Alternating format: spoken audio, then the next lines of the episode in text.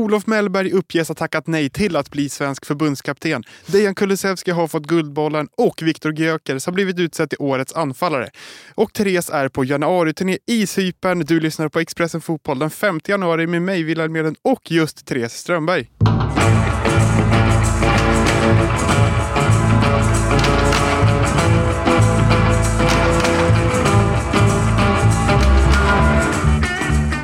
Hallå Therese nerifrån Cypern.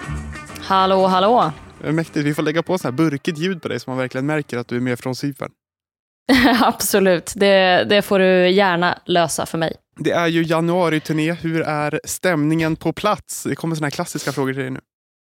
Ja, verkligen eh, klassiska frågor. Nej, men det är väl god stämning, som det alltid är på januari-turné. Det är ju framförallt unga spelare som eh, tillhör U21-landslaget eh, och kanske börjar knacka på dörren till A-landslaget. Och unga spelare som egentligen inte haft så mycket med något eh, landslag att göra tidigare. Eh, så att alla är glada att vara här. Eh, det är bättre väder än hemma. Eh, alla de där bitarna. Så att eh, stämningen är god. Här hemma känns det som att mycket av snacket handlar om att varför åker man ens? Det är inte rätt förbundskapten. Många av de absolut bästa och kanske de som är närmst landslaget har tackat nej. Hur är känslan just kring det där nere? Nej men det är klart att det märks ju, alltså vi är tre reportrar på plats. Eh, det är jag från Expressen och så är det en från Aftonbladet och en från Fotbollskanalen. Eh, så att det är ju eh, tämligen låg mediebevakning på det. Eh, och vi har ju såklart ställt de här frågorna. Vi pratade med Daniel Bäckström igår eh, och ställde den här frågan dels om alla återbuden som har, har varit, men sen frågade jag också honom vad, vad den här turnén ger honom. För i vanliga fall är det ju en A-landslagsförbundskapten eh, som, som sagt, får möjligheten att titta på lite nya spelare och, och planera lite inför kommande år. Eh, så att, eh, jag frågade honom eh, faktiskt om, om det och eh, då menade han bara på att det här eh, ger ändå spelarna en möjlighet att liksom, få känna på hur det är att vara i ett eh, A-landslag. Det ger ju honom möjligheten att eh, jobba lite extra med sina U21-spelare eftersom att han är U21-förbundskapten eh, till vardags. Ehm, och det ger också honom en möjlighet att att få eh, ändå kolla på, på yngre spelare och få lära sig saker som eh, han uttryckte det. Lite oklart exakt vad det är han, han lär sig. Men det, det finns nog ganska stor vinning. Och sen så ska man också komma ihåg att det är ju mycket som pågår på förbundet. Det är många som har slutat, det är nya som har tillsatts. Nu är ju inte Möllerberg och eh, Kim Källström och Fredrik Reinfeldt och det, det gänget är inte här. Inte just nu i alla fall. Jag vet inte om planerat att de ska komma ner eller så, men de är ju inte här just nu. Men men eh, Stefan Pettersson har ju uttryckt det till Fotbollskanalen senast igår som att det är, liksom, januariturnén är en bra teambuilding-möjlighet också för eh, ledarstaben och för alla runt omkring landslaget. Så jag, jag, tror att de, jag tror att det finns en vinning för dem att vara här ändå. Lite svensk OS-känsla nästan på den här truppen när det är ett u landslag spetsat med några 30-plussare typ. Ja, verkligen. Jag pratade med Nahir Besara igår om just den här ja, men lite papparollen. Bäckström sa ju det när han tog ut bland annat honom. Eh, just det här att, och samma med Isak Kiese bland annat, att han, han gillar, han vill ha de här lite äldre spelarna som eh, kanske framförallt kommer vara en hjälp för honom eh, och, och, en hjälp för de här yngre spelarna. Att de kan eh, hjälpa till och ta lite ansvar där och, och sådär. Så att eh, eh, nej, det är, eh, Nahir Besara vet väl om att han är liksom en god ledare i en trupp och pratade lite grann om sitt ledarskap, men menade också på att det är bara kul för honom att, att få vara här också. Jag menar, det är inte... Eh, det är inte så att Nahir Besara är någon egentligen som är jättepåtänkt till ett, till ett A-landslag så himla ofta. Eh, så att han tyckte också bara att det var kul att vara här. Alla tycker det är kul att vara där verkar det som. Kommer det spelas några matcher då? Eller ska det bara vara kul att vara på plats? Man ska flyga ner och sen så hänger man lite på Cypern och tränar fotboll och sen åker man hem, eller? Nej, men det ska spelas match. Det spelas en match den eh, 12 januari mot eh, Estland. Estland kommer ner, jag tror att det är på måndag eller tisdag kommer de ner och eh, ska faktiskt träna på samma ställe som svenska landslaget. Det finns på den lilla IPn, eller vad man ska kalla det, där de är, som är väldigt fin för övrigt. Jag minns eh, Portugal förra året regnade ju träningsplanen bort fullständigt och det var katastrof. Det gick liksom inte att springa på den. Eh, men här är det jättefin eh, plan än så länge och det ligger två fotbollsplaner precis bredvid varandra där inom den inhägnaden Så Estland kommer att träna precis bredvid Sverige när de kommer ner. Sen försökte ju Sverige få en till match, men Eh, det lyckades de inte få till. De ville väldigt gärna spela en match, eh, typ som på söndag eller måndag här, åttonde eller nionde, men, eh, men det gick inte. Du flög ner tillsammans med landslaget. Berätta, hände det någonting kul på planet? Man vill ju gärna att det ska finnas någon liten nuggets att ta med sig. Eh, ja, alltså väldigt många sov väldigt mycket på planet. Vi flög ju extremt eh, tidigt. Eh, men, eh, men en sak, det, vi mellanlandade på Münchens flygplats. Det går ju inte några direktflighter till Cypern så här när det inte är säsong. Eh, mellanlandade på Münchens flygplats som för de som både har och inte har varit där så är den väldigt, väldigt stor. Och eh, vi behövde ta ett litet eh, shuttletåg för att komma till eh, ja, de, den bokstaven vi skulle till, eh, bokst, eh, gate-bokstaven vi skulle till. Och eh, då var Aftonbladets reporter eh, eh, Per Boman lite orolig ett tag innan han såg att jag också var på plats på det tåget, att han hade tagit eh, Samuel Dahl till helt fel eh, ställe, att han var på väg att lura bort honom från januariturnén, för att det var lite oklart exakt vart man skulle gå på den där flygplatsen för att hamna rätt. Ehm, men, men det blev rätt som tur var. Eh, han är här och alla, alla kom fram helskinnade. Och när vi kom fram och hade landat på flygplatsen så var det eh, ändå lite gulligt måste jag säga att eh, de har ju som en researrangör, om man säger, när de åker på de här turnéerna, eh, landslaget. Och eh, deras eh, representant eh, var på plats på flygplatsen, inväntade landslaget, pekade dem ut till den bussen som de skulle gå till och eh, gav dem en liten, liten fruktpåse. Ehm, jag var väldigt avundsjuk på den här fruktpåsen som såg ut att innehålla någon form av festis ehm, och lite banan och något äpple och, sådär. Man var extremt hungrig efter den långa resan eh, som det blev ehm, ner till Cypern. Så jag var, jag var lite, eh, lite avundsjuk och tyckte också att det var väldigt gulligt på något sätt att här kommer ett liksom ungt svenskt landslag på klassresa med fruktpåse i hand på väg till bussen. Det är härligt att det är den där klasskänslekänslan och att Estland har sin träning bredvid vill man ju ska bero på att så här, vi kommer scouta varandra. Är inte bäst om vi bara håller till bredvid varandra så vi slipper betala så mycket pengar för att hitta varandra?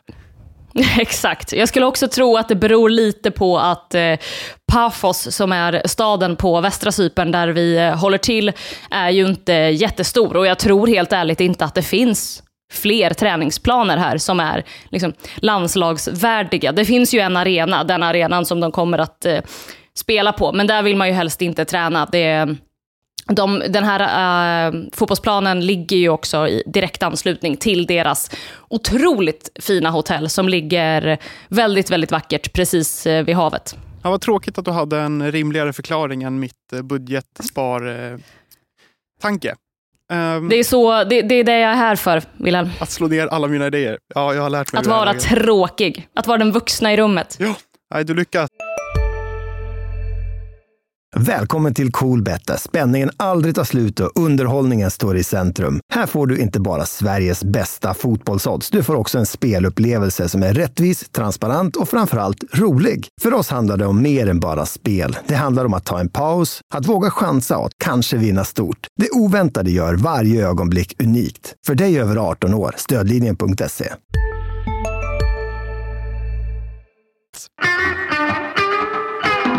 Olof Mellberg eh, har eh, enligt uppgifter från eh, Fotboll Stockholm tackat nej till att bli svensk förbundskapten. Vad tänkte du när du såg det här? Jag tänkte när jag läste igenom texten att det känns som att det enda han har gjort är att han har tackat nej till ett första förslag. Eh, och det kan man väl förstå. För att jag menar, förbundet har ju inte jättemånga alternativ, så det är klart att eh, Mellberg har ett ganska bra förhandlingsläge här. Om det nu är där det handlar om. Men jag tyckte att det lät ja, men som sagt, på formuleringarna som att eh, det återstår att se om beskedet är slutgiltigt. Och sen tror jag också att Fotboll Stockholm hade formulerat någonting i slutet av texten, ungefär att, eh, att han hade eh, sagt till BP att han tackat nej till landslagets förslag. Mm. Inte att han hade tackat nej till att bli förbundskapten, utan att det var förslaget. Och det kan ju ha att göra med eh, ja, men antingen det ekonomiska eller upplägg med assisterande eller vad det nu än kan, kan vara, att han inte känner sig helt helt nöjd. Så att jag, jag, jag får känslan av att där är absolut inte det sista ordet sagt och det troligaste är väl fortfarande att det blir Olof Mellberg som blir förbundskapten. Har det snackats någonting om det där nere? Jag tänker att Bäckström är ju där som någon sorts liksom, interim förbundskapten just nu. Det måste ju ändå kännas konstigt att det pågår en process där han ska ersättas. Även om han inte är ersättaren så ska han ändå liksom, ja du förstår.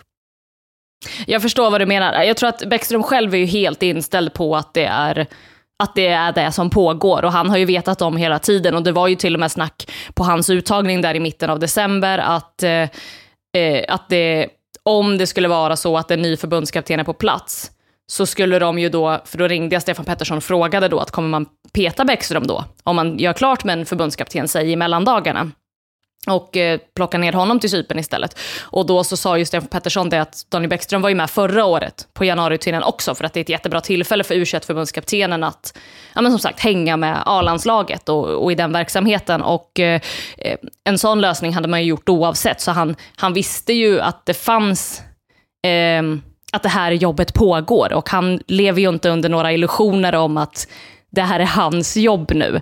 Eh, så att så mycket pratas det ändå inte om det, utan jag tror att Bäckström är nog superlugn i den här situationen. Vi får helt enkelt hålla ögon och öron eh, öppna för att se vad som händer fortsatt, fortsättningsvis i den här Mellberg-soppan. För eh, vi tror väl kanske att han har sagt nej till ett erbjudande och inte ett blankt nej till jobbet som sådant. Mm. Dejan Kulusevski fick igår Guldbollen, eller han fick den väl tidigare. Det stod att han fick den i december 2023, men det presenterades att han fick den igår i alla fall. Hur tänkte du på det?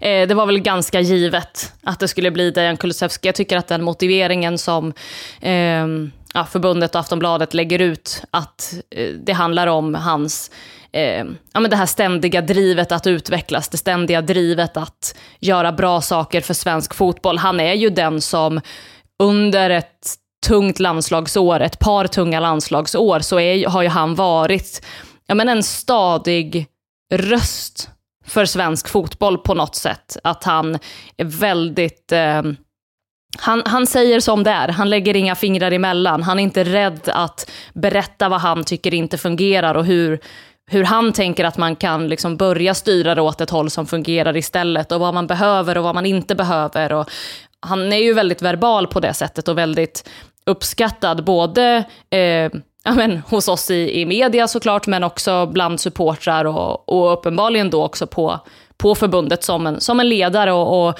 ja, men på något sätt en, en, liksom, eh, ja, men en, en stabil ambassadör eh, under den liksom, jobbiga tid som, som har varit. Och rent prestationsmässigt också så tar han ju hela tiden kliv och, och, som det beskrivs också, blir viktigare och viktigare i en av världens bästa ligor. Så att eh, det kändes ganska självklart och givet att det var han som skulle få Guldbollen i år. Även om det är lite grann som han själv ju gav uttryck för i den här intervjun med Johan Kücükaslan tidigare i år på SVT, att, eh, ja, men att det, när landslaget har gått så tungt så känns det nästan lite konstigt, om jag parafraserar honom, eh, att, att det ska delas ut en guldboll, för att de har ju liksom inte uppnått någonting eh, tillsammans i, i landslaget. Och landslaget är ju en stor del av eh, Guldbollen-utmärkelsen såklart. Men det kändes supergivet att, eh, att det skulle bli han. Kulusevski ställer, som du säger, han ställer många krav efter matcher och han är väldigt tydlig med vad han vill. Nu när det kommer in en ny förbundskapten, är det orimligt att Dejan Kulusevski drar på sig eh, den där kaptensbindeln? Eh, nej, det tycker jag absolut inte. Sen är ju frågan, det, jag tror att det, det är så svårt att säga vem en förbundskapten kommer vilja ha som kapten. Eh, jag tycker ju personligen att Victor Lindelöf har ju verkligen vuxit i den rollen. Eh, framförallt utåt och hur han, ja men, eh, ja, men, i hur han har hanterat media och hur han har hanterat att vara liksom, rösten för det här laget. Och jag tycker att händelserna i Bryssel bland annat visade ju på eh, ett stort och ganska starkt ledarskap från honom. Eh, och det beror ju lite på. Jag vet att det finns de som tycker att man inte märker av Lindelöf på plan, alltså att man inte märker av hans ledarskap ute på planen och sådär. Det håller inte jag med om. Jag tycker att man ser det. Eh, och jag tycker att det är ganska tydligt. Eh, däremot så kan det ju vara så när det kommer in en ny förbundskapten att man vill shake things up. Att Lindelöf inte är en given kapten. Eh, för mig hade ju en, en annan given kapten hade ju varit Robin Olsen för mig, som jag också tycker är, ja, men som jag tycker på många sätt är det här landslagets absolut viktigaste spelare. Eh, men Dejan Kulusevski skulle också mycket väl kunna vara en sån. Det finns lite olika alternativ, så det är en, en spännande grej om vi bara får en förbundskapten till att börja med. Om vi kanske ska börja med förbundskaptensgrejen, ja. Men en annan sak som presenterades, det var ju inte igår utan i förrgår tror jag, att Alexander Isak inte blir årets anfallare utan Viktor Gyökeres vinner det priset. Hur ser du på det? Jag vet att vi snackade här internt på redaktionen om så här, hur mycket ska man värdera att han spelar i Premier League och gör mål där jämte mot att Gyökeres spelade i en sämre liga i form av Championship och sen i portugisiska ligan. Det är bra anfallare båda två. Så är det verkligen. Så är det absolut, men jag tycker inte att det är några konstigheter. Jag tycker att det är, eh, det, det är extremt givet att det är Viktor Gyökeres som ska ha årets anfallare det här året. Eh, både sett till eh, hans utveckling, han, sättet som han flyttar under sommaren, sättet som han direkt bara börjar leverera i sin nya liga. Även om den portugisiska ligan såklart är ett antal nivåer under Premier League, så tycker jag inte att det är eh, jag, jag tycker inte att man ska underskatta hur eh, svårt det är för många spelare att byta liga. Eh, men för Viktor Gyökeres har ju det varit det lättaste han har gjort i hela sitt liv, verkar det som. Så att, eh, och, och också det här, det finns ju också någonting i att Alexander Isak har varit skadad en hel del under mm. året. Han har missat eh, flera landslagssamlingar. Eh, vilket då också har ja, men om man säger öppnat upp på ett sätt för Gyökeres att få ta lite större plats i landslaget och han har levererat och han har varit bra. Så att eh, jag tycker att eh, det var inga konstigheter att, att han fick eh, årets anfallare och jag tycker också till nästa år, om Gyökeres fortsätter på det här sättet, så är det snart ganska givet att han ska vara i stark konkurrens om att få guldbollar också.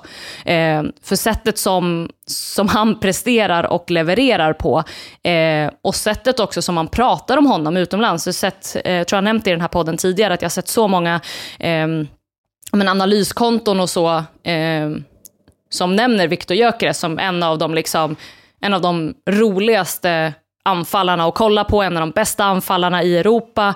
Eh, så att det, är, ehm, det, det, tror jag absolut kommer att vara. Om han som sagt fortsätter och, och fortsätter han så här så kommer han ju snart flytta till en större liga också. Kan han göra stora avtryck även i, ja men, säg Premier League eller ja men, säg, till, om man skulle flytta till La Liga till exempel. Där, eh, då tror jag att det är givet att han är med och slåss om, om guldbollar, kanske redan nästa år också. Hej, Synoptik här. Hos oss får du hjälp med att ta hand om din ögonhälsa. Med vår synundersökning kan vi upptäcka både synförändringar och tecken på vanliga ögonsjukdomar. Boka tid på synoptik.se. Hej, Ulf Kristersson här. På många sätt är det en mörk tid vi lever i. Men nu tar vi ett stort steg för att göra Sverige till en tryggare och säkrare plats. Sverige är nu medlem i Nato. En för alla, alla för en.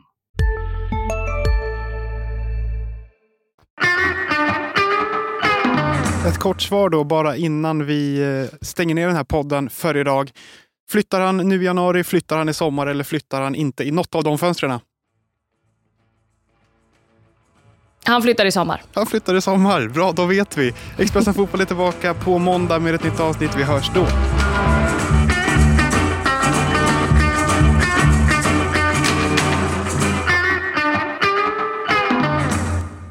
Du har lyssnat på en podcast från Expressen.